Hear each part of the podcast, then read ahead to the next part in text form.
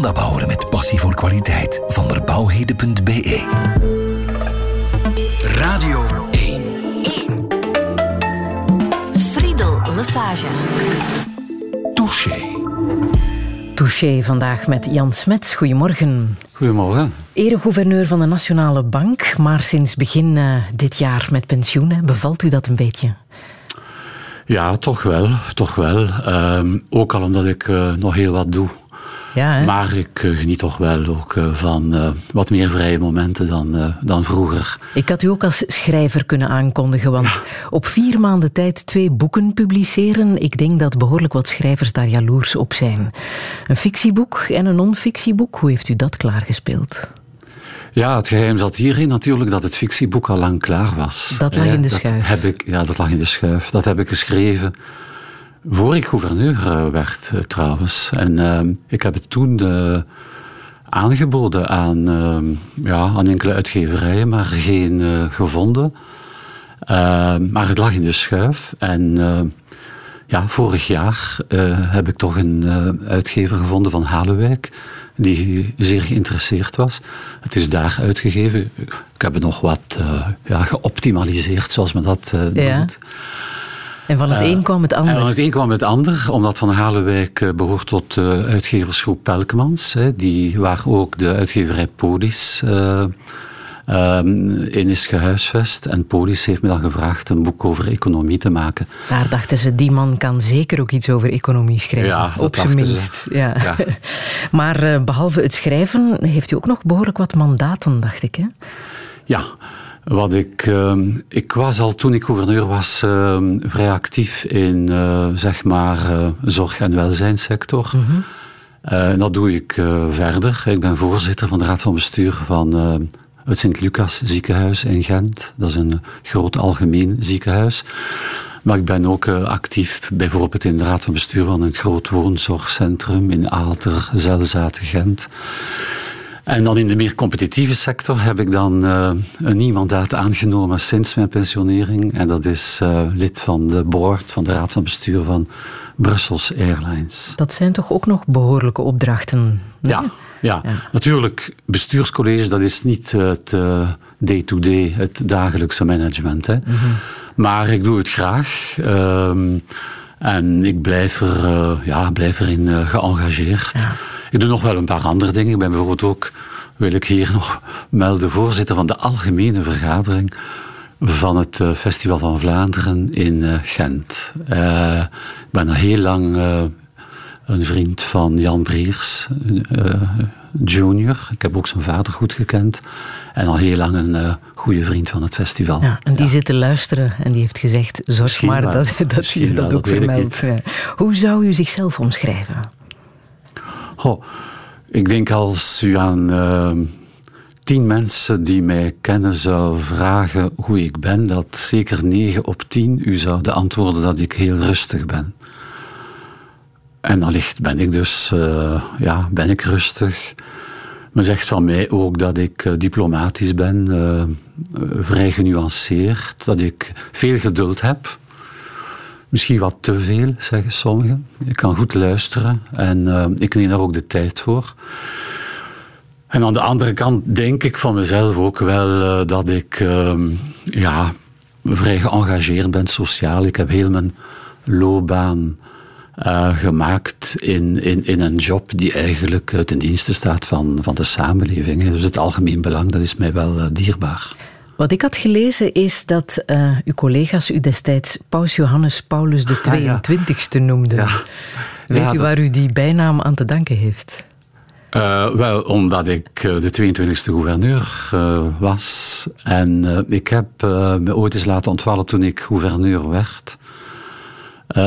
Inderdaad, ik ben, ik ben de 22e en ik heet Jan natuurlijk. En uh, ja, gelet ook op mijn... Ik ben een christendemocraat. Hè? Uh, dus gelet ook op uh, die karakteristiek en die origine was dan het predicaat uh, Ja. Johannes de 22e eeuw. Ja, dat was wel de grootste Regio. ketter uit de kerkgeschiedenis. hè? Dat weet u toch, hè? Dat klopt. Ja. Het is de 23e die, eh, die ik zelf nog heb gekend, of ah, die ik heb Ah. weten paus zijn.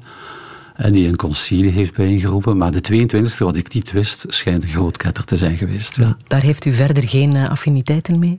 Denk niet dat u weet. Denk ik niet, nee. Wat ik ook over u weet, is dat u een zoete bekje bent. Ja, dat klopt. Dat klopt. Ehm, een maaltijd is voor mij niet uh, compleet als er uh, geen uh, zoet dessert aan het einde komt. Ah.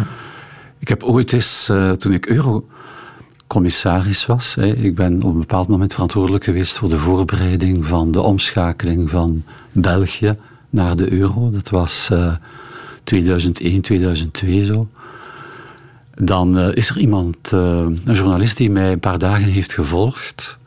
En die zat eens bij een, bij een gesprek dat ik had met mensen. En men bracht koffie aan met, met een bordje vol koekjes. En na afloop vroeg de journalist mij, of stelde hij mij dezelfde vraag als, als u vandaag. Houdt u van zoetigheden? En ik zei ja. En dan antwoordde ja, dat heb ik gemerkt, want u hebt alle koekjes zelf opgegeten. dat belooft. Eh, ik zal de koekjes hier eh, in de gaten houden. Jan Smets, hartelijk welkom in Touché. Radio 1. 1. Friedel Lassage.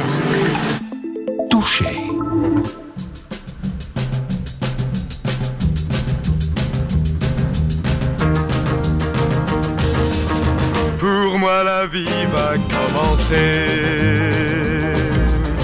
en revenant dans ce pays, là où le soleil et le vent, là où mes amis, mes parents avaient gardé mon cœur d'enfant. Pour moi la vie va commencer. Et mon passé sort de l'oubli. Le sol de ma prairie, chevauchant avec mes amis, pour moi la vie va commencer.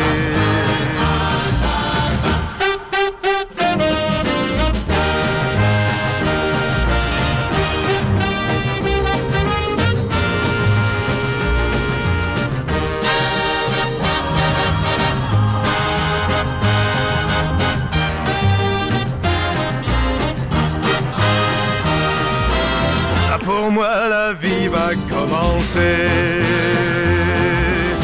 Et je peux voir descendre la nuit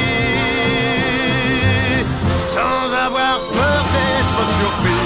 Tandis qu'au loin, comme un troupeau, passent les ombres des chevaux. Ah, pour moi la vie va commencer. Et sous le ciel de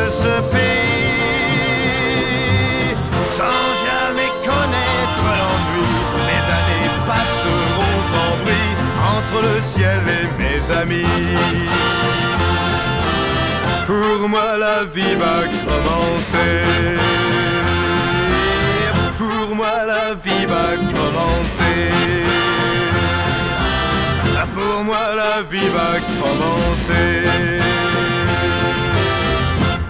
Het is ondertussen twee jaar geleden dat hij is gestorven, Johnny Halliday. In het echte leven heette hij Jean-Philippe Smet. Zit daar een reden waarom u hem zeker wou laten horen, Jan Smet? Ja, ten, dele wel, ja. Ehm, ja, het is toch wel uh, enkele keren voorgekomen dat uh, toen ik naar Frankrijk reisde, uh, dat aan de douane iemand me vroeg of ik familie was van Johnny Halliday, een Franse douanier. Die wist dat zijn echte naam... Want die zag natuurlijk Jan Smets op mijn paspoort of identiteitskaart staan. de gelijkenis, de fysieke gelijkenis. Precies, en één enkel, enkeling heeft me ooit eens met hem verward. Ik vond dat uh, eigenlijk een compliment, ja. Niet dat Johnny Halliday mijn, uh, mijn grote favoriet is, maar hij had wel iets. Ja, ja ik heb hem uh, ooit weten optreden hier in de Heizel. Um, en dan begon hij met Que je t'aime. Dan kwam hij uit de lucht. Hè, was hij met een kraan ergens uh, bovenaan gaan staan. En de show begon. Uh, dan kwam de kraan naar beneden. Hij had wel iets, ja. Um, maar uh, ja, het is ook wel de andere reden waarom, ik, waarom, ik, waarom ik refereer naar hem is eigenlijk, ja, mijn liefde voor het Franse chanson. Ah, Die vrij karakteristiek is, denk ik, voor mensen van mijn generatie. Ja. En veel uh, leeftijdgenoten delen die liefde nog met mij. Ja, en dit nummer, Pour moi la vie va commencer, is misschien ook wel toepasselijk op, uh, op uw leven. Hè? Na 45 jaar ja. carrière bij de Nationale Bank van België. Ja. Mag het leven echt beginnen? Mag u zich eindelijk eens echt laten gaan? Ja, uh, ja en nee. Um, nee, omdat ik denk dat het een stuk in mijn karakter zit om toch vrij genuanceerd, zoals ik daarnet zei, ook misschien wel met reserve en voorzichtigheid uh, te denken en te praten, zoals ik nu misschien ook doe. Uh, maar, maar aan de andere reserve, kant. Had u veel reserve Maar aan de andere kant, ja, uh, ja omdat natuurlijk als centraal bankier en zeker als gouverneur die lid is van een raad van bestuur van een van de grootste centrale banken ter wereld, de Europese Centrale Bank, moet je natuurlijk je woorden wikken en wegen. En heeft u dat ook gedaan bij het schrijven van dit boek, Economie en het goede iets, leven? Uh, iets minder. Ja, daar heb ik uh, vrij uitgepraat. Maar ik vind niet dat ik uh, geweld heb gedaan aan, aan mijn karakter. Het, het blijft denk ik een, iets dat genuanceerd is. Ik geloof ook niet in uh, mirakelremedies voor uh, problemen. U begint met uh, een zeer interessante uitleg wat Ja. economie precies is en waar het Ah, woord ja. vandaan komt. Hè? Het komt van. Oikos. Oikos Dat is de Griekse betekent- term huishouden. Hè, dus oikonomia, hè, dus Aristoteles is de eerste die dat eh, begrip zo heeft gebruikt. Gaat eigenlijk over het goede beheer van het huishouden, het gezin, maar ook het gemeenschapshuishouden, de polis. Hè. Ehm, en Aristoteles vond dat, ehm, dat dat beheer goed moet lopen en mensen in staat moet stellen om wat de Engelsen noemen eigenlijk een self-fulfilling life te bereiken. Eh, uiteraard om aan de basisbehoeften te voldoen, maar eenmaal dat gedaan om ja, meer vervulling te vinden in een, in een vervullend leven waarin men zijn talenten kan ontplooien, waarin men kan bijdragen aan het vinden van oplossingen en waarin men ook creatief kan zijn zodanig dat de samenleving vooruit gaat. Ja, de basisbehoeften, dat zijn eh, zorgen dat er brood op de plank is Ja, en dat natuurlijk. je een dak boven je hoofd hebt. Ja, absoluut. Als dat er Goede is, gezondheidszorg ook. ja, kan je beginnen aan het goede leven. Aan het goede leven. En het goede leven heeft dus eh, dan niet meer te maken met eh, extra rijkdom. Er zijn ook gelukseconomen eh, die daarover ehm, geschreven hebben. En die hebben ook geobserveerd dat eenmaal een bepaald welvaarts- of inkomensniveau overschreden, het geluksgevoel eigenlijk niet meer, niet meer toeneemt.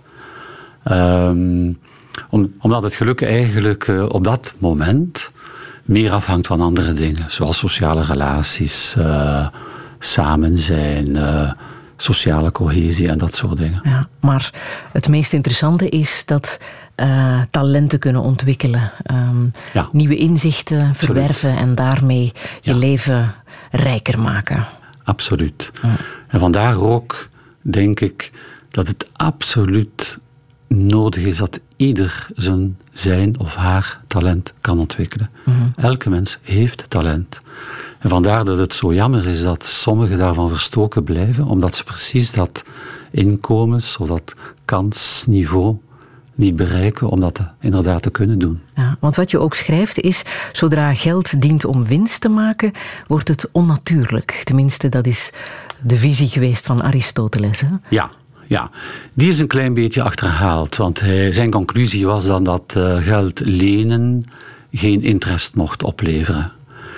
En daar is hij wat ver in gegaan. Dat is een eh, theorie die dan gecorrigeerd is door Lessius. Hè, dat is een, een Vlaming eh, die in onze contraille werkzaam was. En die heeft aangetoond, nee, als men middelen afstaat, zodanig dat iemand anders daar iets goeds mee kan doen, ja, dan, eh, dan doet men afstand bijvoorbeeld van liquiditeit. Ja, men, heeft, eh, men ontbeert eh, voor een bepaalde periode de middelen die men misschien op een bepaald mo- moment toch nodig heeft.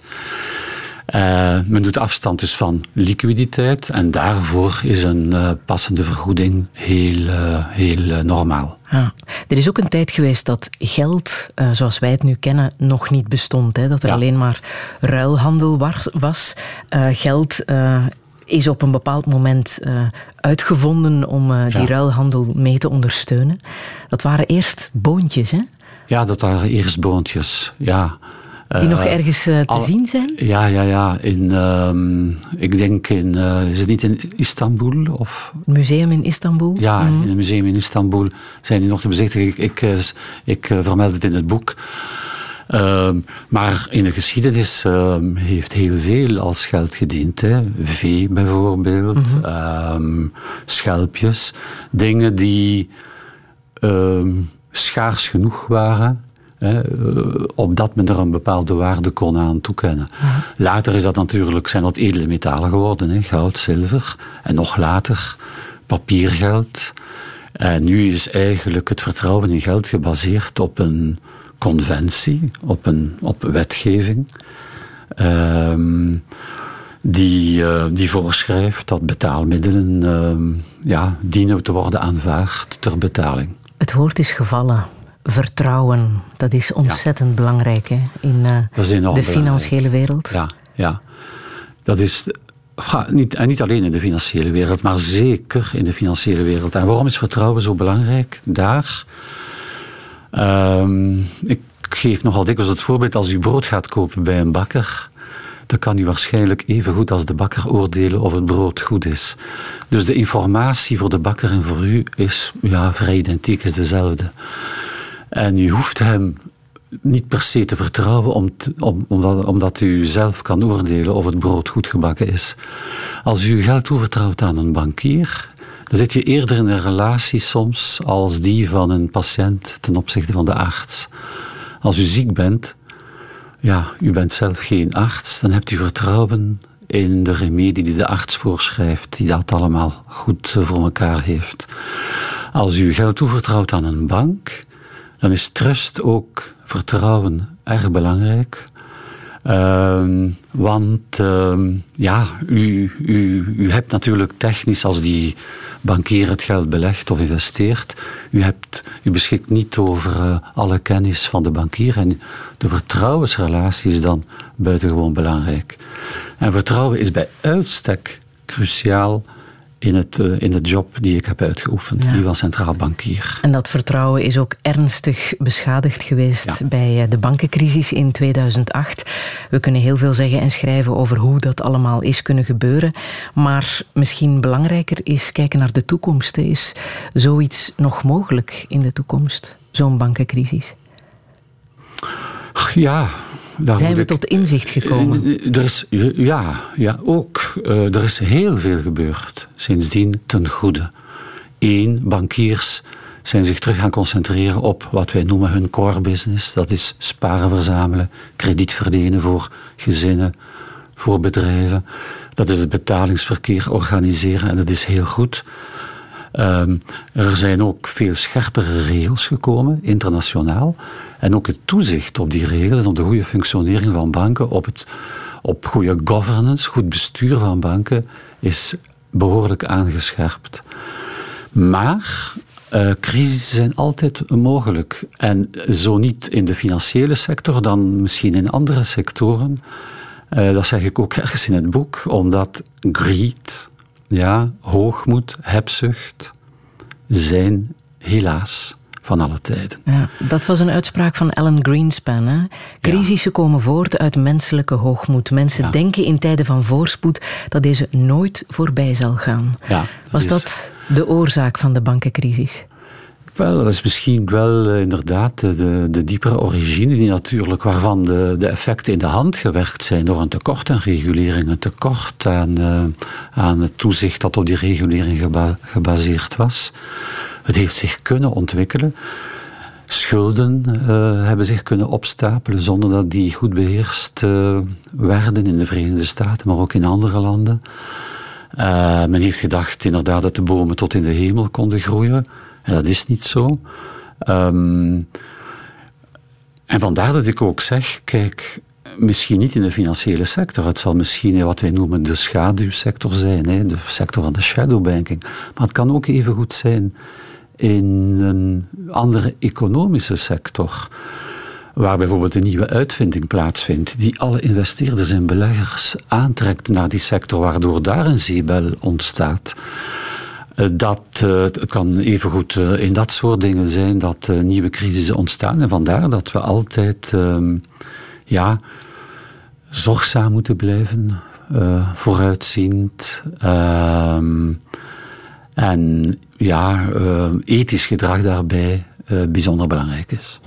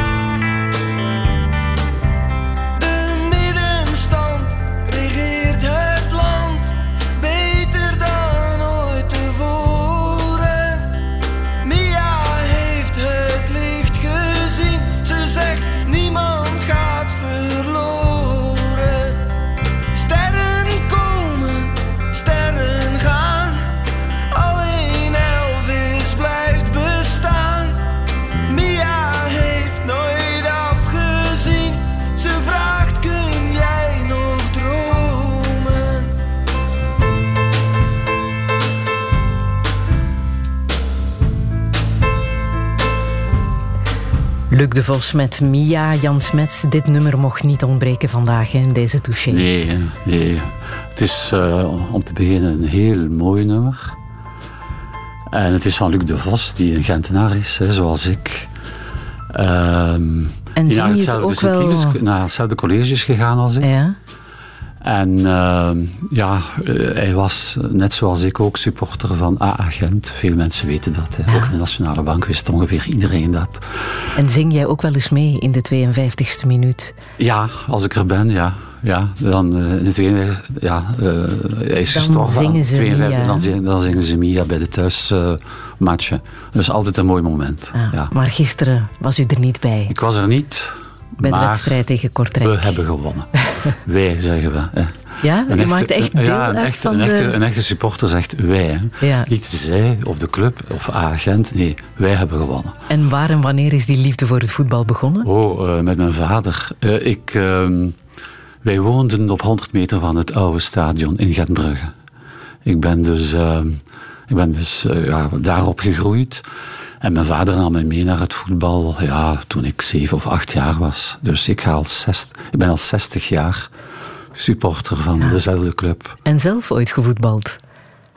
Uh, ik denk dat ik twee keer met, het, uh, met een team in de Nationale Bank heb meegevoetbald. En na afloop van de tweede match hebben ze gezegd: Het is beter dat je niet meer meedoet. Want ik stond altijd offside.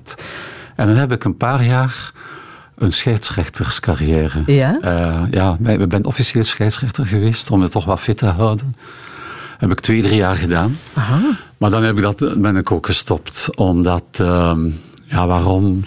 Die matchen waren de zondag voormiddag. Dan moest je heel vroeg opstaan om op tijd daar te zijn. Uh, en dat wil zeggen dat je zaterdagavond vroeg moest gaan slapen. En, dat, was, niet aan uw besteed? Dat was wat te veel. Ja? In mijn jonge jaren. Welke andere liefdes had u als, als uh, jonge kerel? Uh, liefdes als jonge kerel. Um, als het niet het voetbal was? Uh, ja, toch wel een beetje de muziek zoals iedereen. Hè. Um, Elton John, uh, bijvoorbeeld. De, het Franse lied, zoals ik al zei. Ah. Um, en de literatuur ook, denk ik. En de literatuur, ja. Ah. Ik heb altijd graag gelezen. En dat is een liefde die ik heb meegekregen van thuis. Ah. Mijn vader was journalist.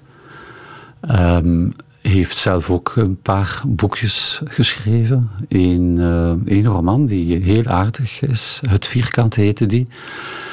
En die heeft mij de liefde voor het woord meegegeven. Ons allemaal. We waren met zeven kinderen. Um, in het weekend lag, uh, lag op de, lagen op de tafel Britse, Franse, Nederlandse, Duitse dagbladen en tijdschriften. Mijn vader was ook relatief streng. Wij moesten die dan lezen. Ik was de zesde van zeven. Hij zag wel iets in mij, denk ik. En uh, voor hij naar, het, uh, naar Brussel vertrok, um, uh, sommeerde hij me af en toe: Kijk, je moet uh, La Libre Belgique lezen. Ik, kleine jongen, hè? ik was kleine jongen. En s'avonds, als ik terugkom, dan was ik al gaan slapen, want ik keerde laat terug. Om te bewijzen dat ik een artikel had gelezen, moest ik er een uh, notaboekje op nahouden waarin ik de woordjes had genoteerd die ik in het woordenboek had opgezocht. Oh. Uh, omdat ik ze niet verstond. Dus. En uh, ja, dat heeft wel bijgedragen aan mijn, uh, aan mijn uh, kennis van het Frans, die ik later heb ah. gebruikt. Maar om maar te zeggen, de, de liefde voor het gesproken en zeker ook het geschreven woord komt vandaag. Ja, want hij schreef ook voor kranten natuurlijk. Ja, voor, hij heeft gewerkt voor de Standaard, hij was eindredacteur in de Standaard en nadien voor de Tijd. Ja. ja. En wat had hij in gedachten voor, voor u? Welke toekomst? Wel, uh, toen ik afstudeerde in de economie, heeft hij mij gezegd: Jan, zegt hij, zei, jij moet voor een grote bank gaan werken. En in zijn hoofd waren er toen twee grote banken. De ene was de Société Générale, de bank, de generale bank. Uh, ja, die nu geëvolueerd is tot uh, ja, BNP Paribas Fortis. Hè. Dat is een -hmm. hele woelige geschiedenis geweest. En de andere grote bank was de Nationale Bank. En ik heb, braaf als ik was, zijn advies ingevolgd. En ik heb bij beide banken gesolliciteerd. En ik ben door beide banken gerecruiteerd. Eerst door de generale banken, want die waren het snelst. Daar heb ik een klein jaar gewerkt. heb ik de de geleerd. Heb ik ook aan het loket nog uh, gezeten, in Brussel-Zuid. In het... Maar dan kreeg ik een aanbieding van de Nationale Bank. Daar ben ik overgestapt. Waarom? Omdat men, ja, om twee redenen. Eén, mijn liefde voor de macro-economie. Uh, ik was minder uh, ja, verleid door het commerciële, wat toch in het privébankieren belangrijk is. En twee, omdat ik vond, uh, omdat ik ook eigenlijk meer belangstelling had voor een job in het, ja, in het mm. algemeen belang, zeg maar. Ja, maar toch, een jongen die zo geïnteresseerd was in literatuur, uh, om je dan zo toe te spitsen op economie, dat is toch een andere wereld, hè? Ja, en waarom? Ik heb heel lang geaarzeld voor ik economie koos. En dat was een beetje omdat ik, uh, zonder ja, onbescheiden te willen klinken, ik, ik was nogal goed in alles.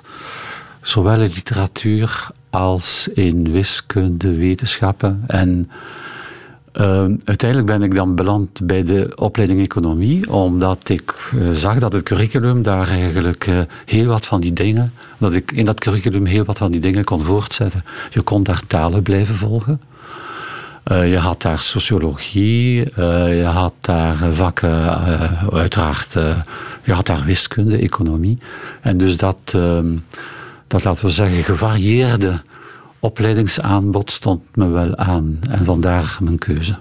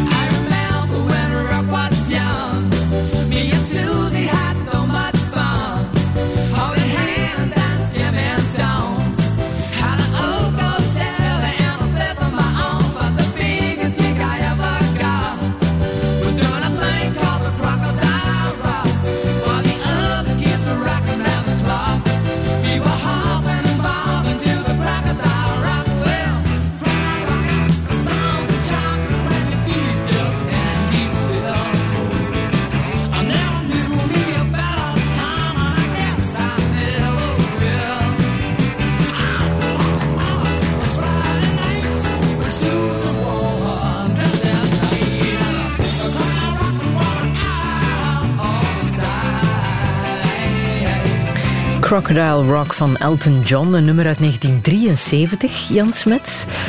Uw jeugd, en u liet de naam al even vallen, hè? Elton John is uh, wel belangrijk geweest in uh, uw jeugd. Ja, dat is een, een, een plaat, hè? Uh, Goodbye Yellow Wake Road, die, die, ik, die we grijs draaiden. En ik heb Elton John ook zelf gezien in de Elisabethzaal in Antwerpen. Dat was formidabel formidabel. Uh, hij trad daarop met uh, Ray Cooper, geloof ik, als percussionist. En dat was zo een, een, gewone jongen, dat was dus een wereldverdette. En, uh, en toen de voorstelling begon, kwam die gewoon, ja, die kwam gewoon het toneel oplopen op zijn dode gemakjes. En die wuifde naar iedereen. En dan plaatste die zich aan de piano en die begon. Dat was magisch. Dat was natuurlijk zijn grote creatieve periode. Hè. Um, en uh, ja, ik heb heel mijn leven van hem blijven houden tot, tot de dag van vandaag. Mm -hmm. Formidabel, ja. formidabel artiest. Nu, 1973 is uh, misschien officieel ook het einde geweest van uh, ja. de Golden Sixties. Uh, ja. Toch wel een zeer cruciaal jaar in de geschiedenis van de economie, kunnen we zeggen. Hè? Ja, absoluut. het is ook het jaar dat ik in de Nationale Bank begonnen ben. Ik ben eigenlijk begonnen met een crisis en dat was dus de oliecrisis. Mm -hmm. de olieprijs is dan in gevolge ja, de, de Yom Kippur-oorlog en de spanningen daar rond verviervoudigd. Uh, de westerse economieën waren nog heel afhankelijk toen van olie-import. En dus uh, ja, als die prijs verviervoudigde, dat betekende dat zij ja, vier keer zoveel inkomen moesten afstaan om, uh, om die olie, olie uh, binnen te krijgen. Dat betekende dus een enorme verarming voor alle westerse, of voor de meeste westerse economieën.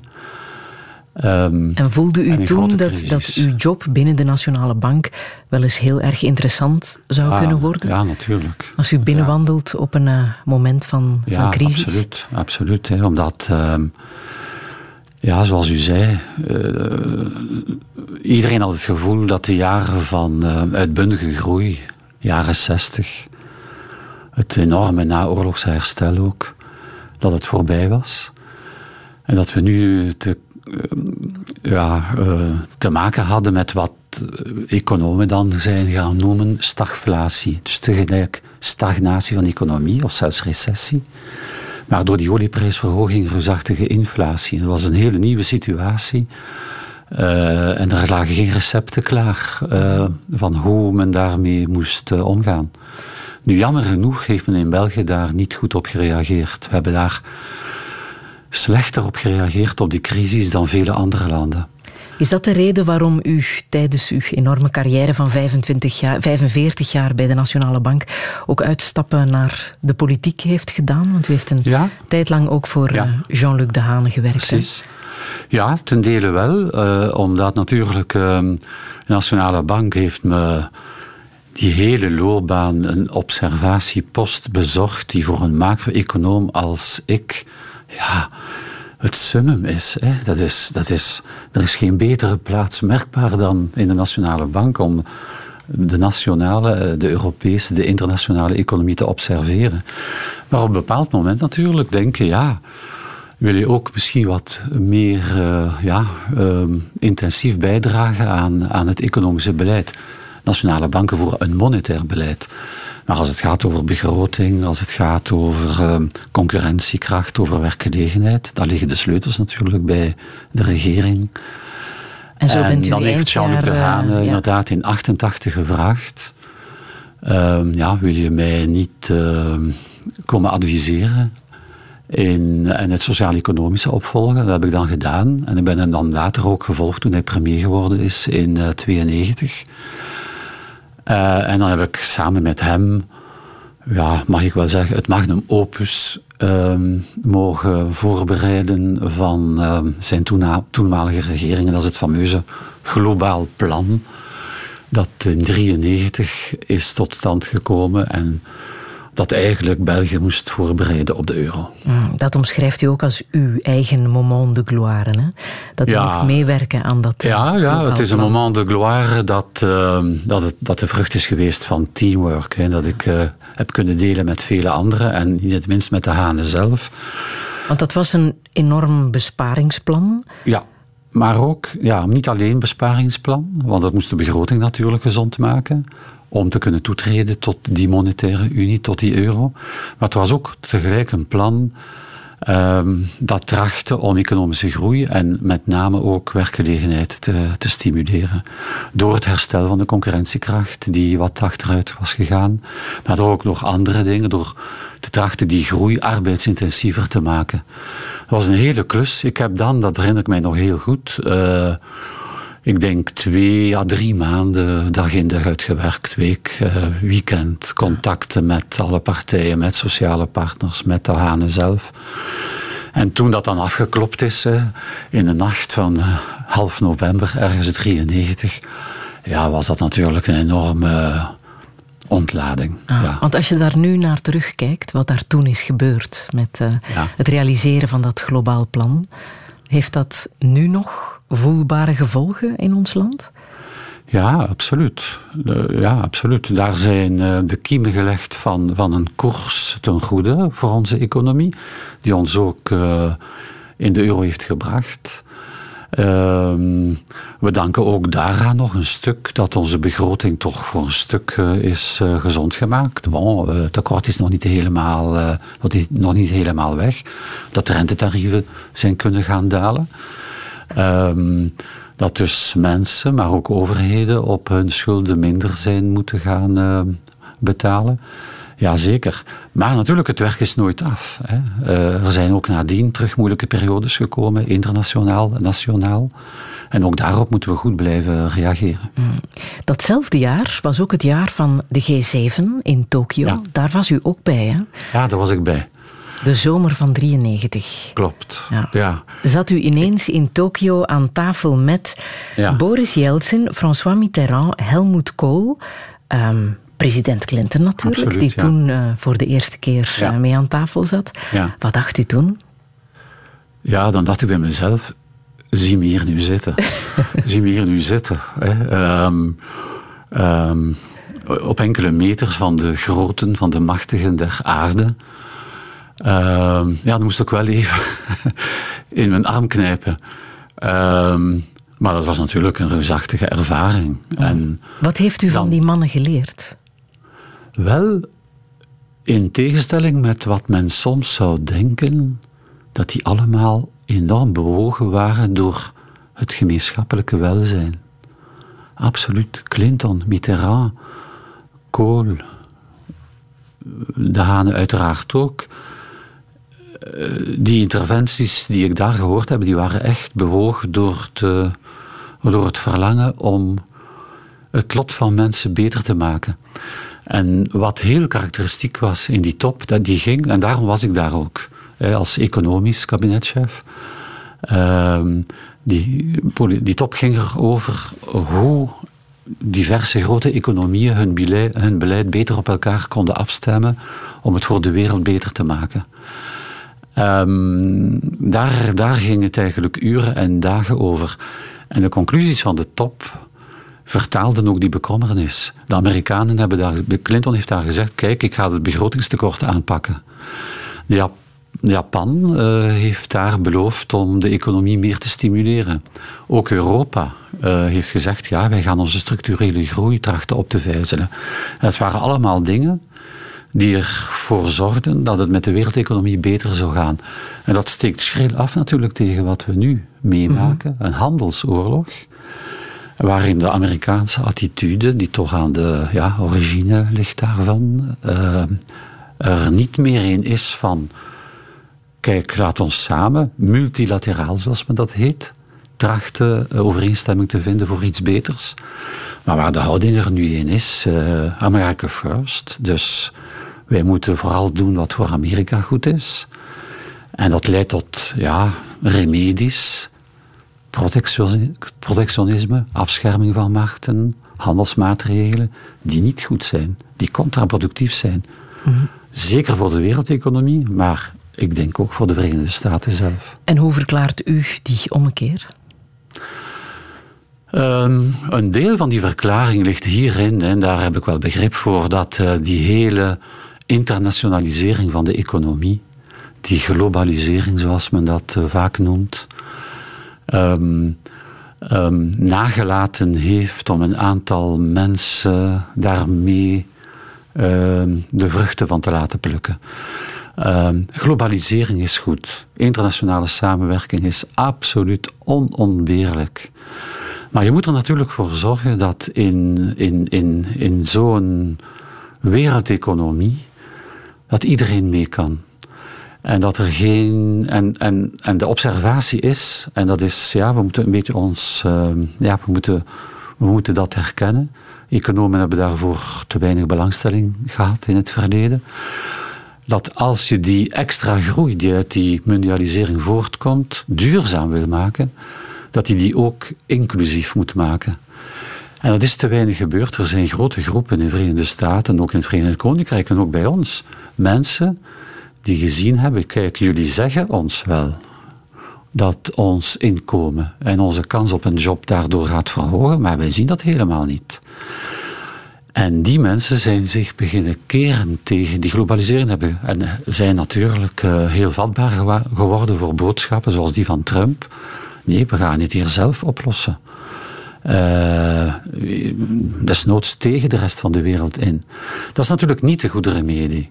De goede remedie is uh, daarentegen om ervoor te zorgen dat die wereldgroei ook meer inclusief wordt en dat mensen goed opgeleid worden, goed geactiveerd, goed begeleid, om inderdaad die transities, die zich onvermijdelijk voordoen in een economie als de onze, om die aan te kunnen. En daarop eh, denk ik dat we veel meer nog moeten inzetten dan vandaag.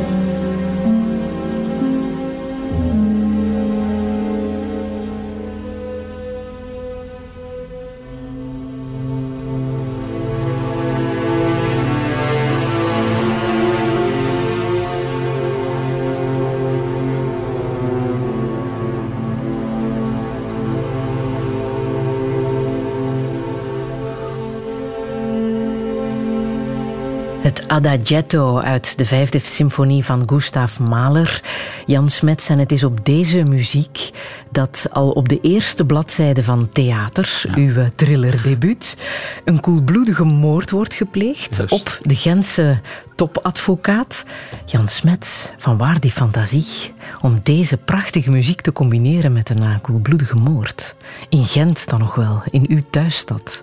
Ja, de combinatie is vrij natuurlijk. Ik bedoel, uh, één, ik ben een fan van Mahler. Ik vind Gustav Mahler formidabel. Dus deze muziek moest een rol spelen dus in uw boek? moest er een referentie naar, naar zijn. Dat Adagietto kent, kennen veel mensen natuurlijk van uh, Dood in Venetië, de film van Visconti. Maar ook uh, de andere symfonieën zijn formidabel. Hè. Ik, heb de, ben ik heb de eerste keer met Mahler kennis gemaakt. Ik denk in in de opera. Ik denk dat het een, uh, een uitvoering was van het Festival van Vlaanderen toen. Dat zijn symfonieën die één tot anderhalf uur duren en die een enorme bezetting vragen. Wat verklaart dat ze niet zoveel worden uitgevoerd, want dat kost natuurlijk mm, veel. Mm. Maar dat is formidabel. Twee, waarom, een, waarom Gent? Ja, omdat ik Gentenaar ben en uh, in hou van mijn thuisstad. En drie, waarom dan een thriller? Daarmee combineren met, uh, met Mahler en Gent. Wel, mijn moeder. Ik heb over mijn vader al gepraat.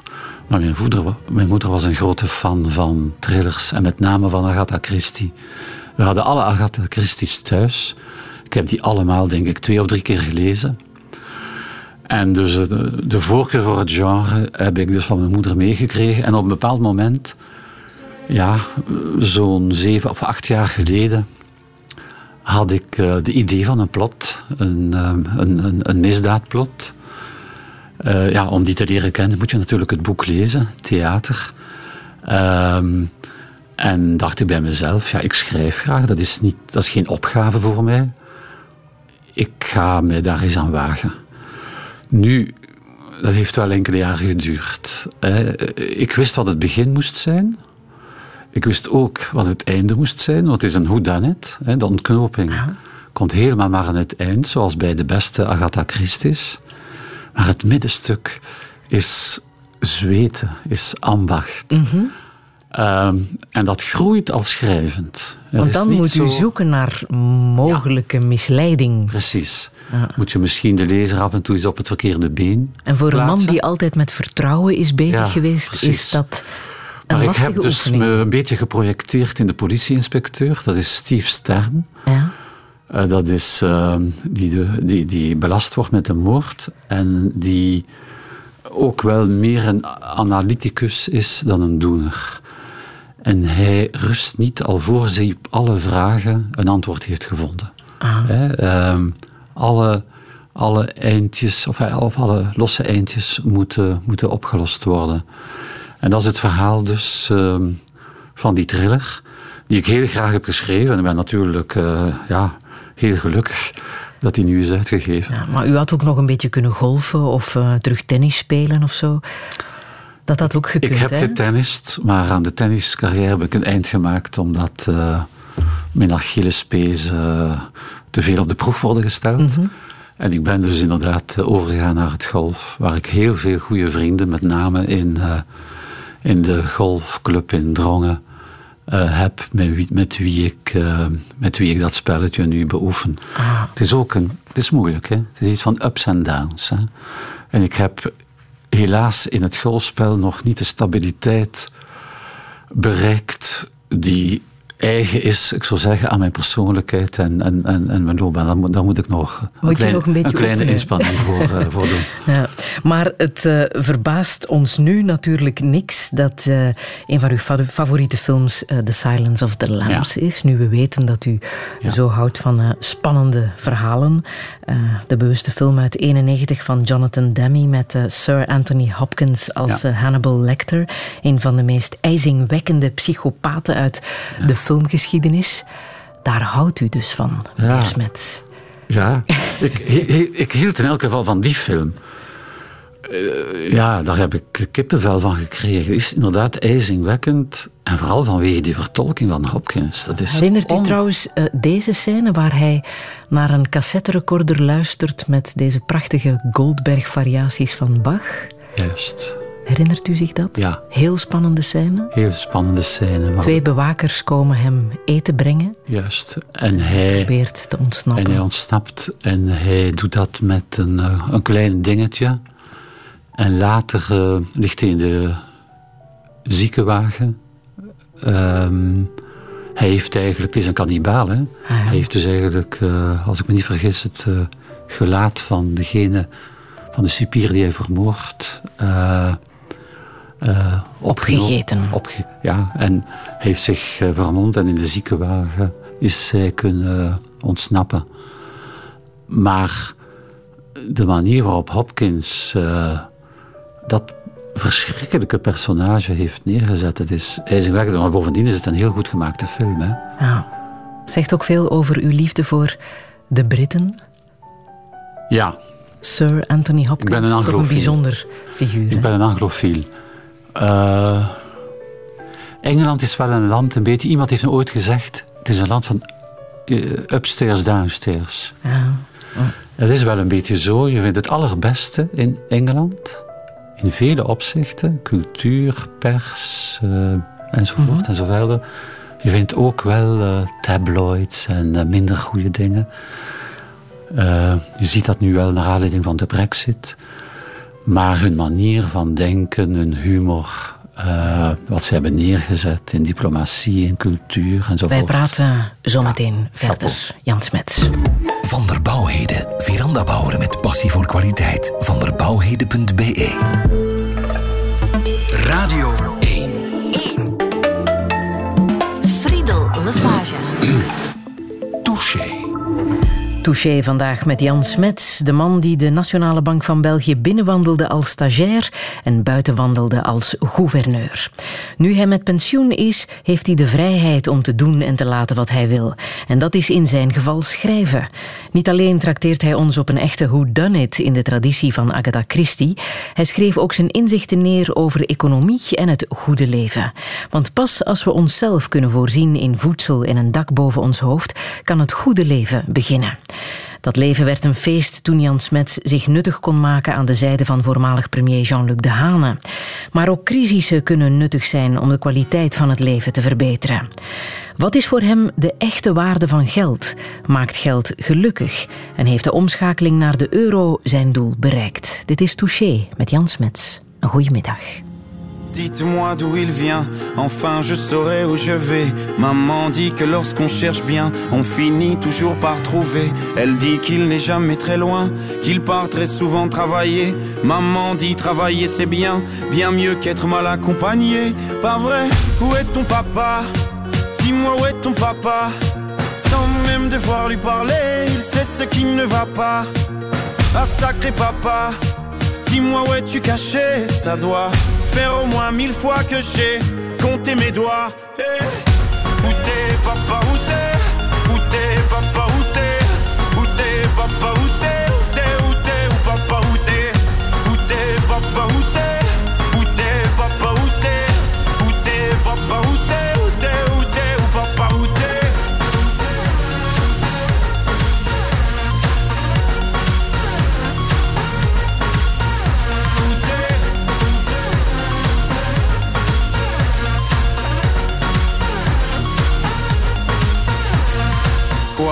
Qu'on y croit ou pas, y aura bien un jour où on n'y croira plus. Un jour ou l'autre, sera tous papa et d'un jour à l'autre, on aura disparu.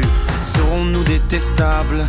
Serons-nous admirables? Des géniteurs ou des génies Dites-nous qui donne naissance aux irresponsables Hein? Dites-nous qui. Tiens, tout le monde sait comment on fait des bébés Mais personne sait comment on fait des papas. Monsieur, je sais tout, on aurait hérité, c'est ça. Faut le sucer de son pouce ou quoi? Dites-nous où c'est caché, ça doit Faire au moins mille fois qu'on a bouffé nos doigts. Eh, Où t'es, papa,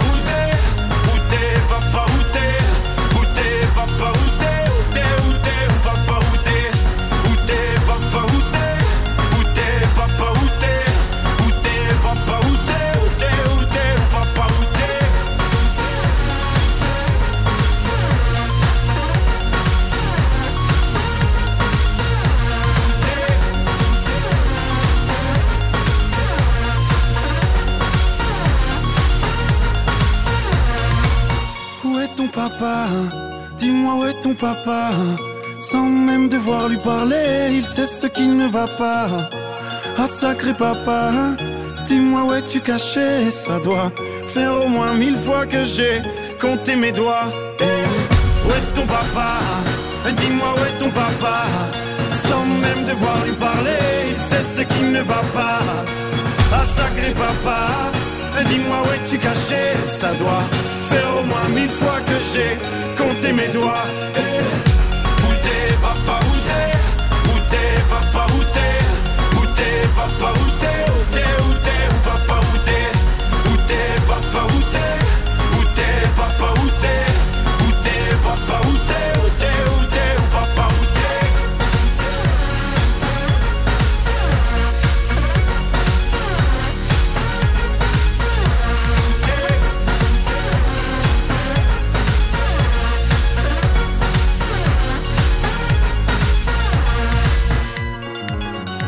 Stromae met Papa Outé, dat nummer dat eh, refereert naar zijn eigen vader. Die stierf tijdens de Rwandese genocide in 1994, Jan Smets.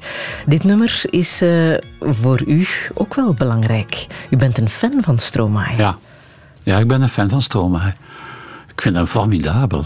Eh, Zo'n creatief eh, man.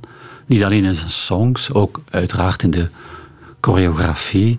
Ik heb hem live gezien, samen met mijn toenmalige vice-gouverneur. eh, die me eh, had uitgenodigd. En hij is, hij, is, hij is formidabel. En ik vind die CD Racine Carré, eh, waar dit nummer ook uitkomt, heel, helemaal goed. Al die nummers zijn steengoed. En ik vind het zo jammer dat die... Ja...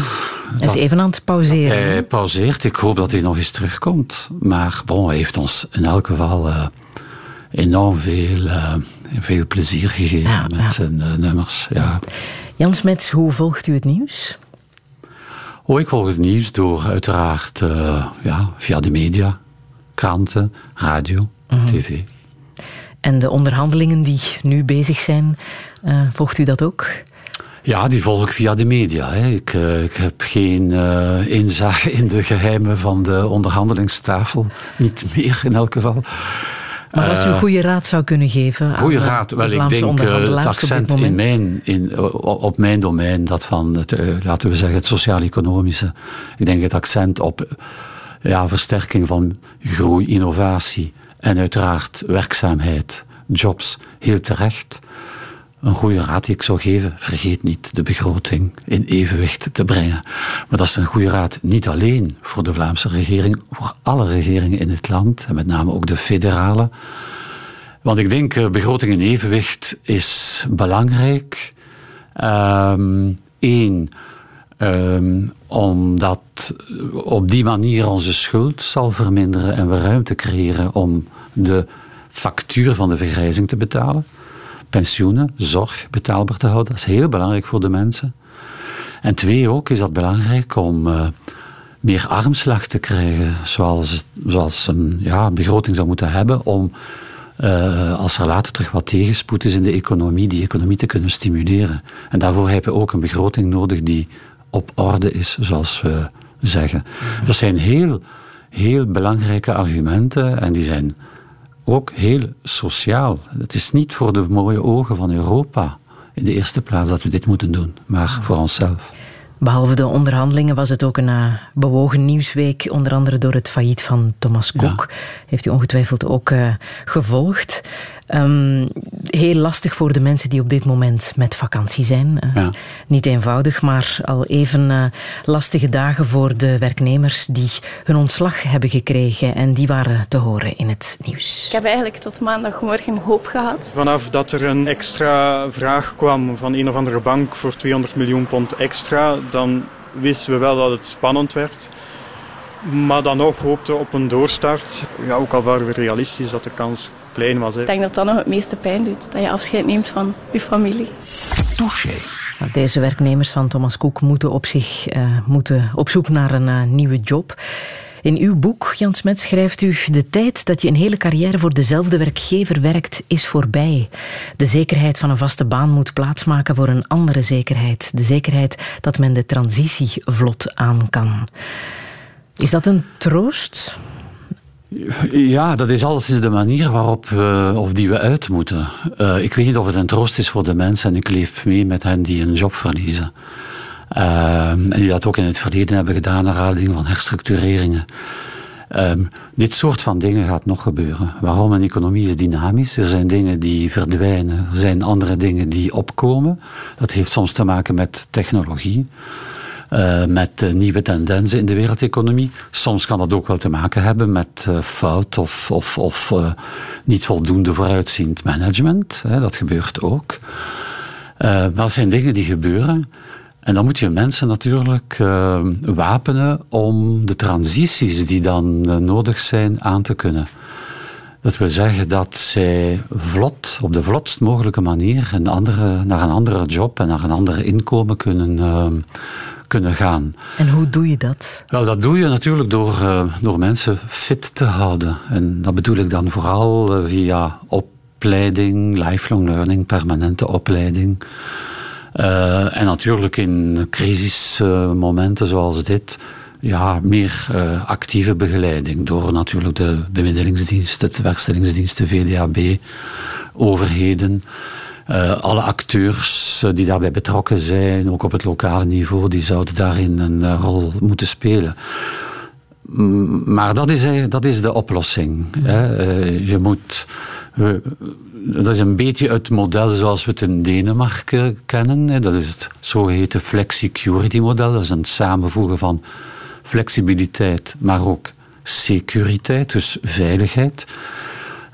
Er moet flexibiliteit zijn om, uh, ja, om, om, om, dat ook in, in, in arbeid en, en, en uh, men zich kan aanpassen aan wisselende omstandigheden, maar we moeten mensen tegelijk zekerheid geven dat ze ook nogmaals in een bewegende economie uh, aan de slag kunnen blijven. En dat is iets wat nu gelukkig veel beter gebeurt dan 15 of 20 jaar geleden. Maar het is eigenlijk iedereen zijn verantwoordelijkheid om te zorgen dat we makkelijk van job kunnen veranderen als dat nodig zou zijn. In een economie als de Vlaamse, waar de werkloosheid tot een dieptepunt is gezakt, uh, waar de werkgelegenheid al hoog is en waar het grote probleem, zeggen bedrijfsleiders mij, nu de schaarste, de krapte is op de arbeidsmarkt, zou dit moeten kunnen. En we moeten mensen uh, maar we moeten mensen die kans geven um, en er alles voor doen om dat meer activerende, mobiliserende beleid waar te maken. Ja. Mm -hmm. Ik wil hier even iets aan toevoegen. Veronique Goossens, hoofdeconoom van Belfius, die schreef in haar boek dat bij de Nationale Bank makkelijk 600 van de 2000 banen kunnen geschrapt worden. Heeft ze gelijk? Nee. Uh, Ten eerste, een aantal uh, wel, en daar is men bezig. Er is dus een, uh, een plan opgesteld dat nog onder mijn leiding is goedgekeurd, waarbij het personeelsbestand gradueel naar 1700 zal teruggaan. Om je een vergelijking te maken, toen ik binnenkwam, uh, waren we nog met bijna 3000. Hè. Dat is geen goede referentie meer, dat geef ik toe. Maar we gaan, we, gaan nu naar 1700, ondanks het, feit, ondanks het feit dat de Nationale Bank sinds enkele jaren verantwoordelijk is geworden voor het toezicht op banken en verzekeraars en betaalinstellingen. Toezicht dat ze voorheen niet had. En waarvoor zij enkele honderden mensen trouwens heeft uh, uh, zien getransfereerd worden van de toenmalige toezichthouder naar de bank. Um, ik denk met 1700, dat is dan misschien ergens halfweg, hè, dat is geen 600, maar 300, dat we inderdaad de klus kunnen klaren. Maar vergeet niet dat de Nationale Bank heel veel doet. Hè. Heel veel doet. Ook mee evolueert met de tijd? Ja, absoluut. Ja? Ja, ja. Het is niet meer, de Nationale Bank is niet meer de statige, conservatieve, ouderwetse, militair uh, gestructureerde instelling die ze was toen ik bijvoorbeeld daar binnenkwam. Absoluut niet. De lijnen zijn zeer kort. Um, maar we hebben wel kwaliteit nodig. We hebben mensen nodig met kwaliteit. Omdat we heel veel belangrijke opdrachten hebben. We moeten heel het betalingsverkeer controleren, omdat dat veilig zou zijn. De betalingen die iedereen doet. De kwaliteit van de budgettenomloop. Wij moeten bijdragen aan het monetair beleid voor de stabiliteit van de euro. En wij moeten toezicht houden op de veiligheid, de stabiliteit ook van banken, verzekeraars en het hele financiële systeem. En daarnaast doen we nog een aantal andere dingen. Hè. Kredietcentrale, balanscentrale, of, en dat is allemaal, gaat een beetje te ver om dat daar allemaal over uit Maar niemand zal daar nog binnenwandelen als stagiair en buitenwandelen als gouverneur, zoals u heeft gedaan. Dat zal niet meer ja, gebeuren. zeg nooit, nooit. 45 jaar zijn, bij eenzelfde werkgever. Ja, dat is, dat is iets wat waarschijnlijk in de toekomst. Dat, wordt, ja, dat, dat, dat is niet, waarlijk niet meer van deze tijd.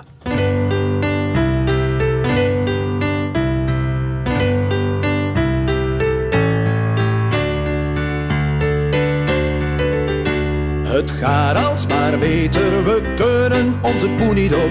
Kunnen onze poen niet op, maar toch klagen we door. We willen lol, we willen reizen en heel exquise spijzen. En alleen maar te hoeven wijzen, of daar staat iemand klaar. Reken maar, een nieuwe lamp voor in bureau. 12 euro is goedkoop, althans dat is wat ik hoop. Reken dat eens.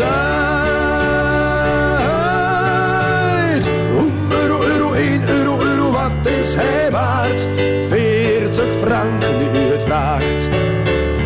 1 euro, euro, 12 euro, euro, wat zijn ze waard? Een leeslamp bij Hugo van Praag. Of een boek, onze economie groeit gestaag.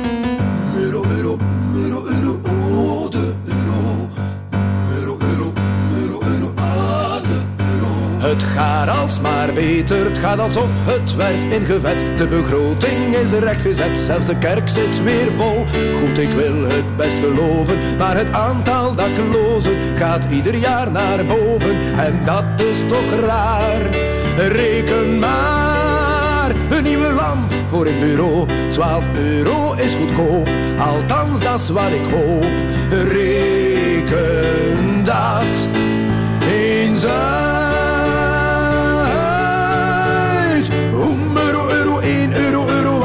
Hij waard? 40 frank nu het vraagt. Om euro, euro, 12 euro, euro, wat zijn ze waard? Een leeslamp bij Hugo van Praag of een boek. Onze economie groeit gestaag. Hip hoera, onze economie groeit gestaag. Laat de goede tijden rollen als een knikker van een schans. We hebben alles wat er is, wat wil je nog meer? Om euro, euro, 1 euro, euro, wat is hij waard? 40 frank nu het vraagt. Ah, Om euro, euro, 12 euro, euro, wat zijn ze waard? Een leeslamp bij Hugo van Praag of een boek. Onze economie groeit gestaag. Hip hoera, onze economie groeit gestaag. Dit was het Nieuwe Wereldorkest met als zanger Patrick Rigel en een ode aan eh, de euro. Het klonk een beetje als Money, Money, Money van Kevin Ayers. De tekst was trouwens van eh, Patrick de Witte. Dat deden we elke week in het programma De Nieuwe Wereld. En dat was toen, hè, bij het begin van 2002. Ja. Toen, eh, we zijn omgeschakeld naar de euro. Jan Smets, waar was u toen de eerste euro's uit de muur kwamen gerold? Weet u dat nog? Ja, ik was eh, aan het, in het Brusselse Jubelpark.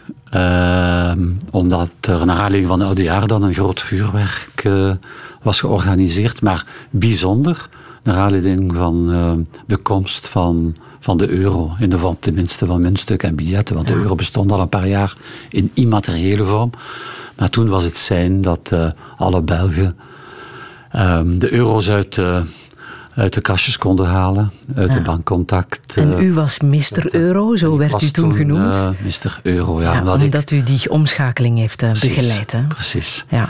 Er waren toen twaalf landen met Ja. een bevolking van 308 miljoen mensen die van de ene dag op de andere Ja. de euro zouden gebruiken. Ja. Eh, ik kan mij voorstellen dat u eh, heel veel hindernissen, parcours heeft eh, geanalyseerd op voorhand Ja. om eh, te bekijken dat wat allemaal kon foutlopen op zo'n moment. Absoluut, absoluut. We waren wel heel goed voorbereid. Hè. Zo voorbereid dat ik eh, nadien nog eh, bijvoorbeeld eh, door het Zweedse parlement ben uitgenodigd om eens te gaan uitleggen hoe, dat, hoe we dat allemaal zo goed hebben, hadden gedaan voor het referendum dat Zweden op een bepaald moment heeft georganiseerd over al of niet toetreding tot de euro. Maar we waren goed voorbereid en heel de logistieke operatie van de omschakeling van de cash. Waren ook veel andere dingen. hè. Die, moesten, die moesten veranderen. eh, tarieven, eh, prijzen, eh, enzovoort en zo verder. Maar de hele logistieke omschakeling, die is tot in de puntjes, ik zou zeggen bijna op militaire wijze voorbereid. Ik herinner Tuurlijk- mij de operatie Spaarpot. Juist, ja, dat was een. ehm, we hebben op een bepaald moment, eh, omdat we schrik hadden dat eh, iedereen met zijn muntstukje op het, muntstukjes op hetzelfde moment eh, naar de banken zou hollen. Dat zou natuurlijk eh, voor veel problemen hebben gezorgd. Hebben we België gevraagd: ja, kan je niet eh, ehm, je, mun- je muntstukjes verzamelen in een soort spaarpot en die bij voorbaat, eh, maanden voor de omschakeling, al gaan omruilen bij, bij uw bank? Dat zou veel. eh, dat zou veel problemen wegnemen. Maar de Belgen hebben, ehm, hebben dat heel goed opgepikt. Ik heb toen in de media altijd gezegd, de Belgen hebben de euro omarmd. Er was heel veel enthousiasme in die oudejaarsnacht. Eh, Nu, de euro stond voor meer efficiëntie, meer stabiliteit en meer kansen op een meer verenigd en sterker Europa. Die eerste twee zijn gelukt, dat laatste niet. nee. In elk geval niet eh, zoals we het hebben gehoord. De architectuur rondom de euro is, eh, is ontoereikend gebleven. Ehm, en dat komt één omdat ehm, ja, er ten opzichte van dat monetaire beleid dat eengemaakt was, of nog altijd is, en gevoerd wordt nu door een Europese centrale bank, onvoldoende convergentie, coördinatie is uh, gegroeid rondom de andere belangrijke dingen die een economie een bepaalde richting uitsturen. Denk aan begrotingen, denk aan concurrentieposities, denk aan loonkosten en dat soort dingen.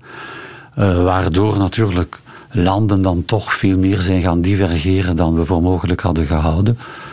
Zonder correctie in de eerste jaren.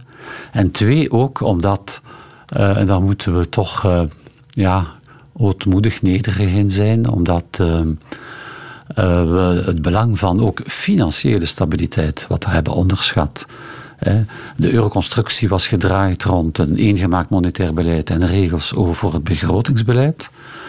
Maar men heeft wat te weinig aandacht gehad voor het, ja, voor het feit dat, uh, zeker omdat de rente in de hele eurozone gedaald is, er ook uh, overmatige schulden konden opgebouwd worden in sommige landen, die dus tot financiële excessen hebben geleid, zeebellen, en dan op de duur ook in het zog van de grote financiële crisis problemen uh, in, uh, in met name banken. Um, ja, en dan hebben we dus tot onze schade en schande moeten ondervinden dat op een bepaald moment de eurozone heel versplinterd was. Gelukkig ligt dat allemaal een stuk uh, achter ons, is er veel ten goede gekeerd. Ik denk dankzij de centrale bank. Ik denk ook dankzij de regeringen, die, uh, laten we zeggen, hun beleid daar toch beter hebben op afgestemd met de tijd. Dankzij ook Europa. Herman Van Rompuy, die als president van de Europese Raad hele belangrijke impulsen heeft gegeven aan een, aan een meer uh, diepgaand eenmakingsproces. Maar het werk is, maar, is niet af.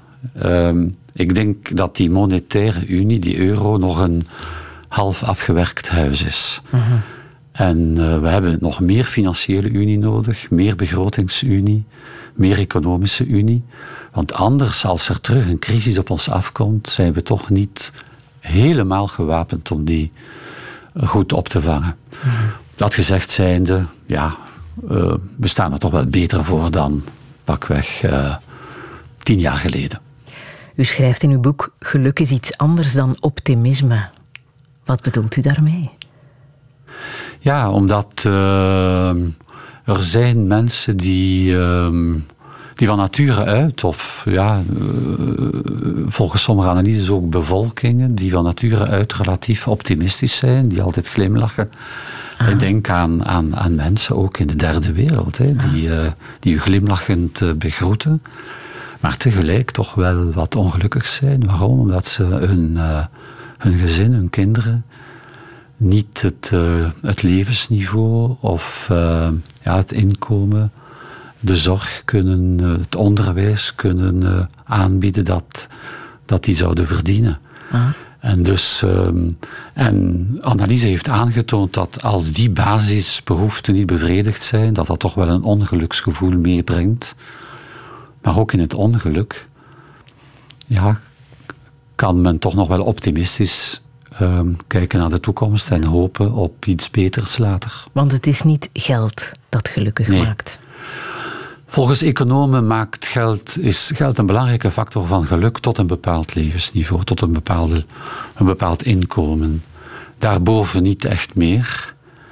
En dat heeft te maken, één, met een zekere gewenning. Ja, men, men wordt rijker en op de duur raakt men die extra rijkdom gewend. Twee, en, en twee, ja, uh, analyse toont aan dat mensen zich vaak vergelijken met anderen. En als zij, zelfs als ze het beter hebben, het minder goed blijven hebben dan anderen, dat toch weegt op hun geluksgevoel. Dat is een beetje vreemd. Ik denk niet dat ik daaraan leid, maar blijkbaar is dat zo. Er is de fameuze anekdote van studenten aan de Harvard Universiteit aan wie men vroeg: wat zou je liever hebben? 50.000 dollar voor u. En alle anderen krijgen de helft daarvan. Of 100.000 dollar en alle anderen krijgen dubbel zoveel. En de meesten prefereerden het eerste, omdat ze zich. Uh, uh, zie je, omdat ze zich niet, uh, slechter, niet slechter aan toe wouden zijn dan, dan anderen. Misschien vonden ze 50.000 ook genoeg. Ja, dat kan ook. Ja, dat zou dan een, goed, eh, een goede reden zijn. Ja. Maar, dus het geluk heeft meer te maken met, uh, met, met andere dingen, zoals ja, persoonlijke waarden, het self-fulfilling life, waarvan we, mhm. waarover we spraken mhm. in het begin. U verdiende als gouverneur een bruto jaarwedde van een kleine half miljoen euro. Dat is meer dan onze premier, meer ook dan de voorzitter van de ECB, van de Europese Centrale Bank. Was dat loon naar werk? Goh, daar wil ik, daar wil ik zelf niet over oordelen. Ehm, dat had ook met, allicht met minder gekund en dat zou mij niet verhinderd hebben om ehm, even hard te werken en even geëngageerd te zijn als gouverneur. Maar het is, eh, waarom ben ik daar relatief gereserveerd over? Omdat dat een inkomensniveau is dat anderen bepalen, niet ik. Uh, overigens ja, verdien je dat ook niet natuurlijk hele carrière. En dat is enkele jaren. Uh, anderen, dat wil zeggen de regentenraad van de bank, bestuurders. Ehm, dat inkomen in, ehm, in euro's in, of in constante koopkracht is nog altijd hetzelfde als toen ik binnenkwam in de bank. Dan had een gouverneur ook zoveel. Um, in, in reële koopkracht, en dat is altijd zo gebleven. En behalve een aantal jaren terug, wanneer de weddes toch wel met 12% zijn verminderd, omdat dan een reflectie heeft plaatsgevonden over de verhoudingen.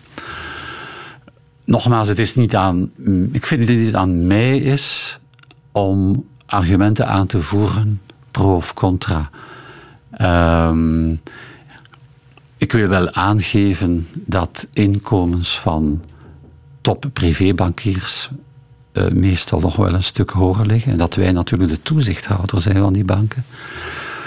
En in algemene termen vind ik wel dat mensen die in de Nationale Bank werken, en dan heb ik het niet alleen uh, uiteraard over de top, maar ook mensen, medewerkers, dat die voldoende behoorlijk moeten zijn om de kwaliteit, en dat is echt topkwaliteit, uh, die we nodig hebben, om die topkwaliteit te kunnen aantrekken, die een zo belangrijke monetaire en financiële autoriteit als de bank nodig heeft, om precies uh, het vertrouwen in dat geld als betaalmiddel, als koopkrachteenheid, als spaarmiddel te vrijwaren.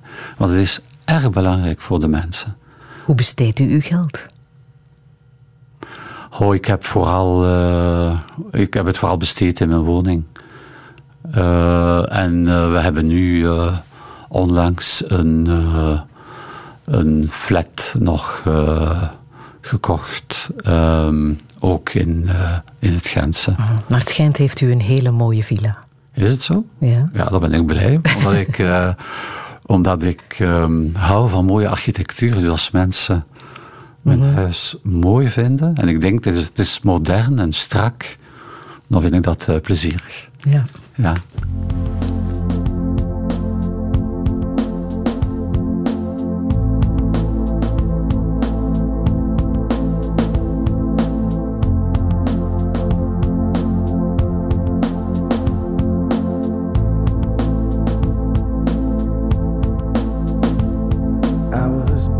Battered, I couldn't tell what I felt. I was unrecognizable to myself. I saw my reflection in a window and didn't know my own face. Oh, brother, are you gonna leave me wasting away on the streets of Philadelphia?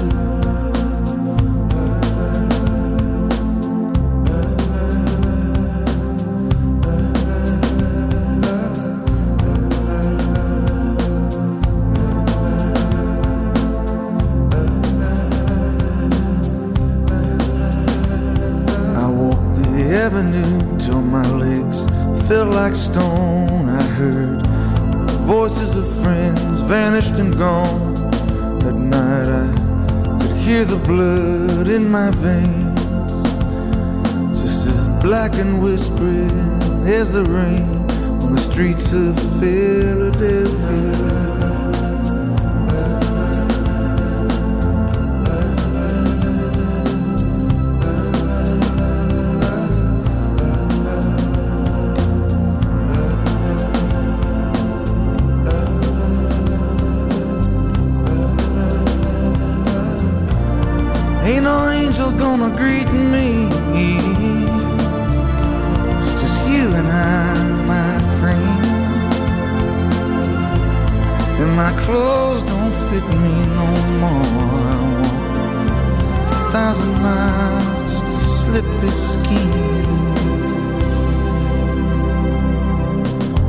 The night is falling, I'm lying awake. I can feel myself fading away.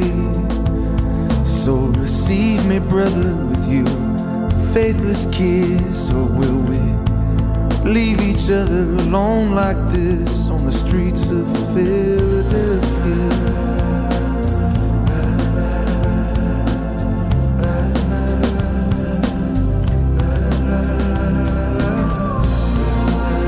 Bruce Springsteen met The Streets of Philadelphia. Vorige maandag is hij er 70 geworden. En dat hebben we bij Radio 1 uitbundig gevierd met een echte Springsteen-sessie.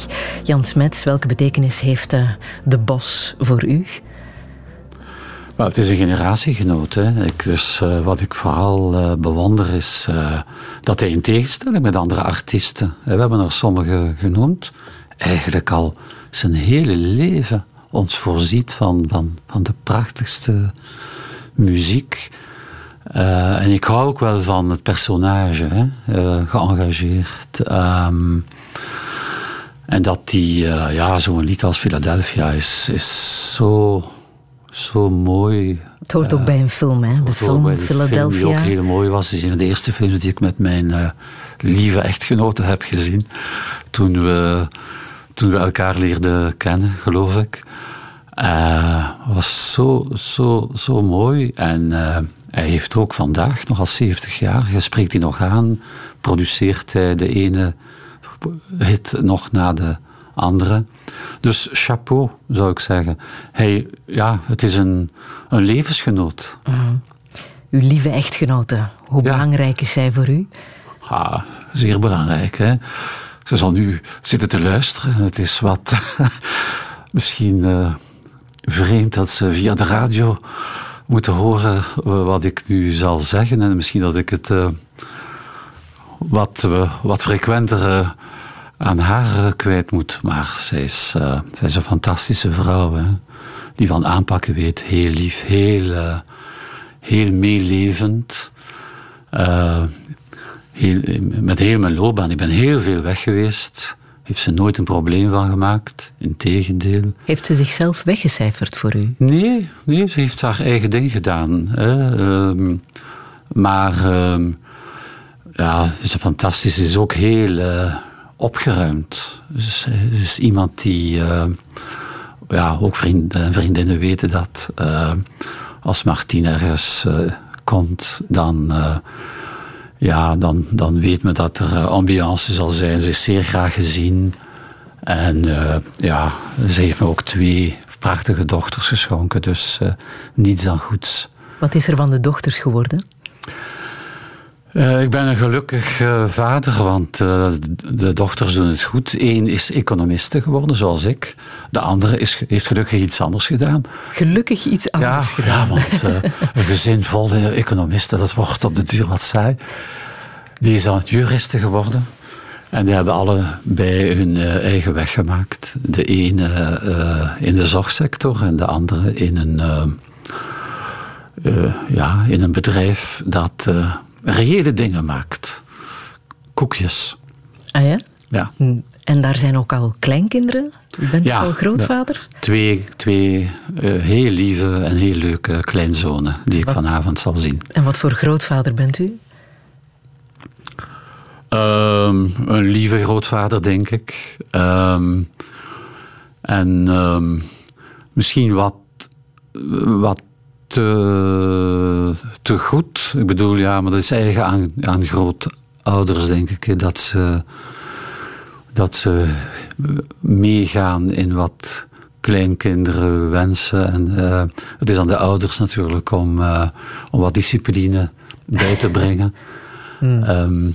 Maar um, ja, een leuke maat, maar ze zijn natuurlijk nog klein. Hè. Mm. Ik bedoel, twee, tweeënhalf en een half jaar respectievelijk. Dat is nog klein. Ja. Ja.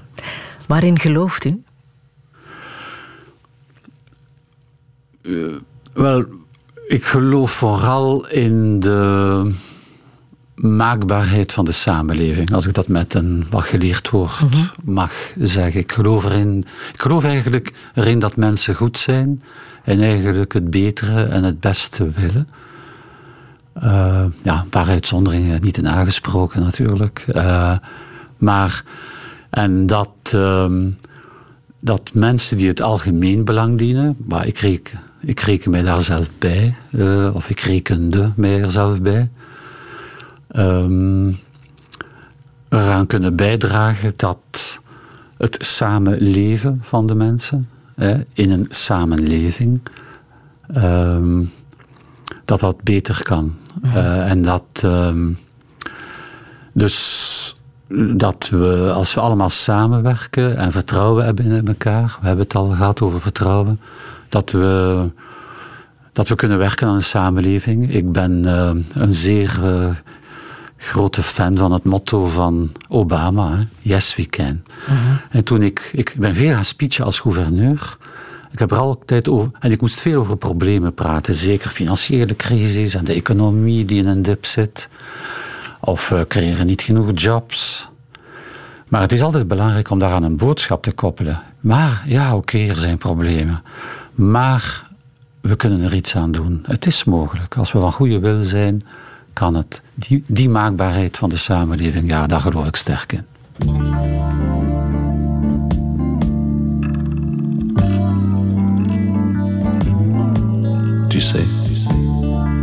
Jamais été aussi heureux que ce matin-là. Nous marchions sur une plage, un peu comme celle-ci. C'était l'automne. Un automne où il faisait beau. Une saison qui n'existe que dans le nord de l'Amérique. Là-bas, on l'appelle l'été indien, mais c'était tout simplement le nôtre. Avec ta robe longue, tu ressemblais à une aquarelle de Marie Laurencin. Et je me souviens, je me souviens très bien de ce que je t'ai dit ce matin-là, il y a un an il y a un siècle, il y a une éternité. On ira où tu voudras quand tu voudras. Et l'on s'aimera encore lorsque l'amour sera mort. Toute la vie sera pareille à ce matin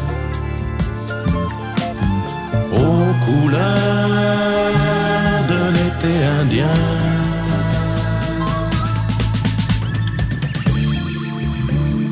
Aujourd'hui, je suis très loin de ce matin d'automne, mais c'est comme si j'y étais.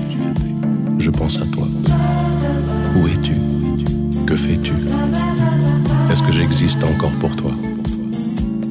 Je regarde cette vague qui n'atteindra jamais la dune. Tu vois, comme elle, je reviens en arrière comme elle, je me couche sur le sable et je me souviens.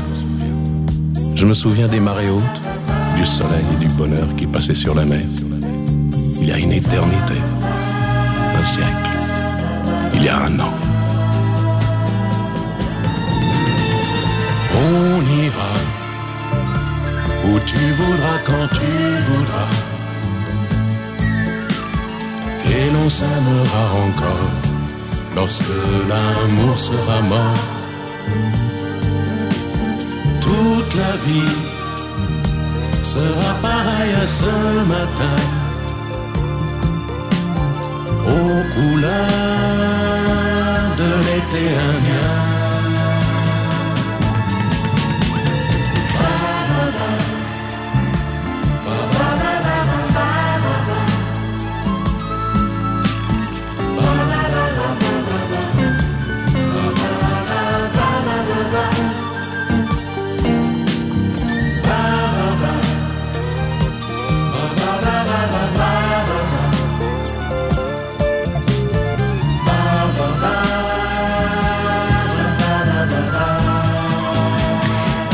Hit in 1975, L'été indien van Judassin.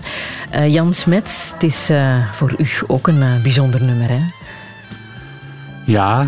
Ehm, Sowieso, het, het Franse chanson? Ik, ik, vind het, ik vind het heel mooi, Franse chanson. En ehm, Ja, l'été indien. We zijn hier natuurlijk in de... Behalve vandaag. In de tijd van l'été indien. En dat hadden ze in Yorkshire voor het WK wielrennen wel graag gehad, denk ik. Was er, was er de Indian Summer. Mhm. En ja, dat is een nummer waar waar we, waar we heel veel op gedanst hebben ook. Hè. Mhm, mhm. U bent zelf ook wel een beetje in de Indian Summer beland. Hè? Want u bent er ondertussen 68, begin volgend jaar 69. Tram 7 is in zicht. Tram 7 is in zicht. Doet dat pijn als ik dat zo zeg? Nee. Nee? Nee, daar heb ik nooit iets mee gehad. Ik vond... Uh, goh, nee. 70 worden doet me eigenlijk niet echt veel. Waarom? Omdat ik me nu nog goed voel, dat ik een heleboel dingen kan doen.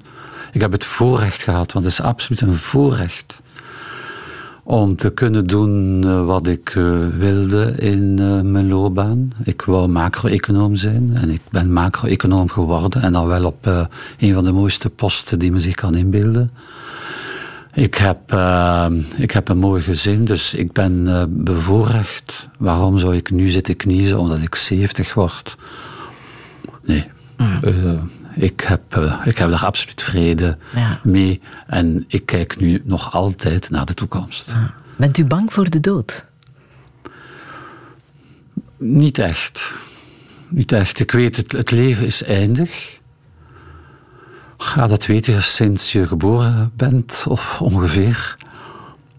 En dat is een, ja, dat is een realiteit die, die ik accepteer Hoe dicht, als een stuk van het leven. Hoe dicht heeft u zelf al bij de dood gestaan? Uh, niet zo dicht. Ik ben wel zes maanden geleden uh, ernstig ziek geweest. Uh, dat weten nogal wat mensen. Ik heb kanker gehad eind, eind vorig jaar. Um, maar uh, bon, dankzij uh, de medische wetenschap en uh, wat geluk, denk ik, ben ik nu daar helemaal van genezen. Zo snel? Ja, ik ben genezen verklaard.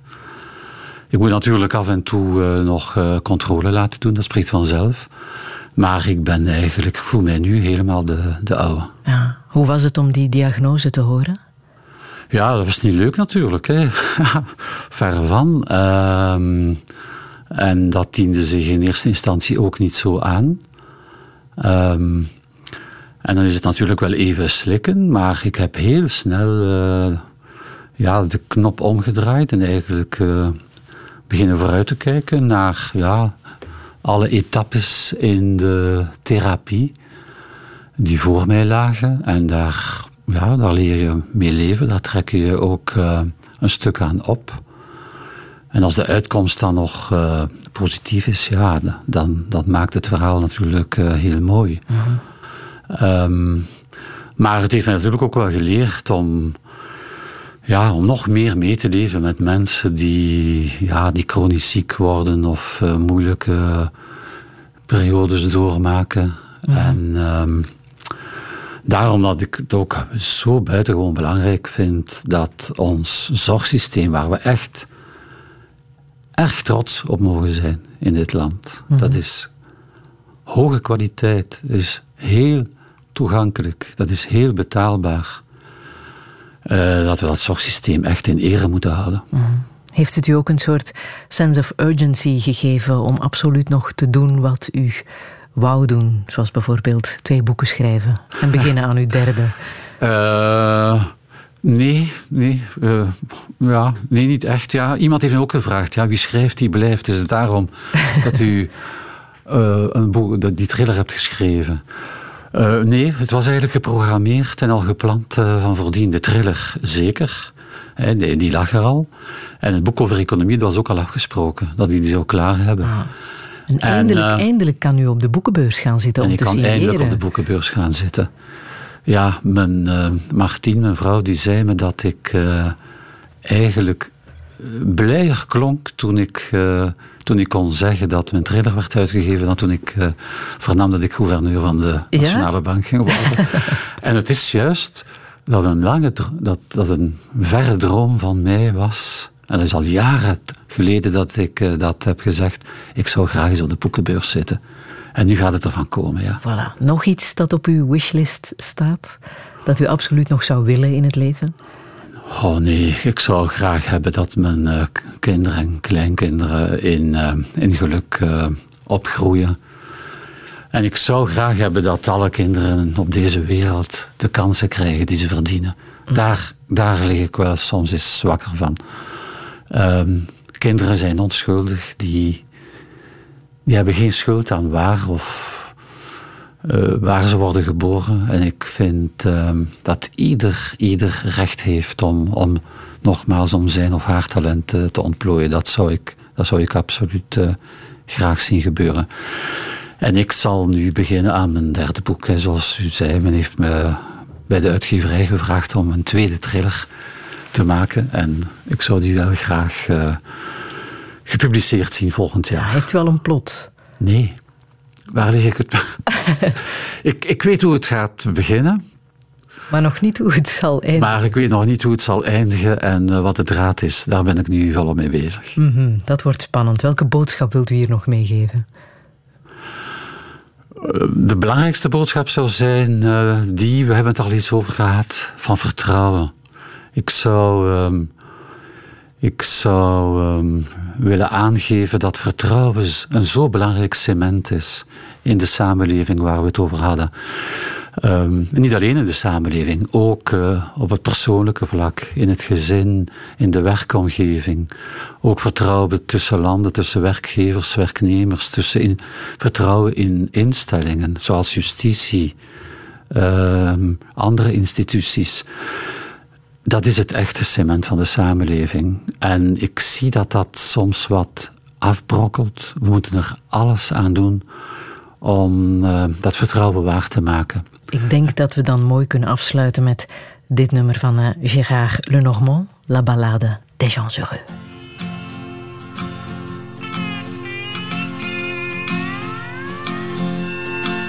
Notre vieille terre est une étoile où toi aussi tu brilles un peu. Je viens te chanter la balade, la balade des gens heureux. Je viens te chanter la balade, la balade des gens heureux. Tu n'as pas de titre ni de grade, mais tu dis tu quand tu parles à Dieu. Je viens te chanter la balade, la balade des gens heureux.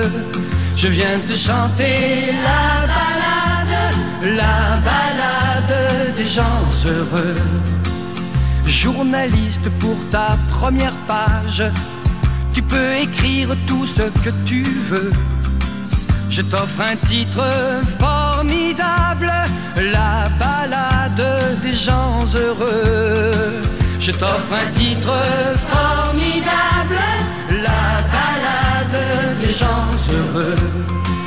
Toi qui as planté un arbre dans ton petit jardin de banlieue, je viens te chanter la balade, la balade des gens heureux. Je viens te chanter la balade, la balade des gens heureux. S'endort et tu le regardes. C'est un enfant, il te ressemble un peu. Je viens lui chanter la balade, la balade des gens heureux. Je viens te chanter la balade, la balade des gens heureux. Toi la star du haut de ta vague, descends vers nous, tu nous verras mieux. Je viens te chanter la balade. We zetten deze muziek mee op onze Spotify-lijst van uh, Touché, La Ballade des Gens Heureux. Dank aan uh, Jan Smets. Alle info is zometeen ook na te lezen op radio1.be. Daar kan je ook de podcast activeren. En check ook Radio 1 Select mocht je iets uit dit gesprek hebben gemist. Volgende week verwacht ik hier de directeur van Europalia. Dat is Dirk Vermalen. Een heel fijne zondag nog.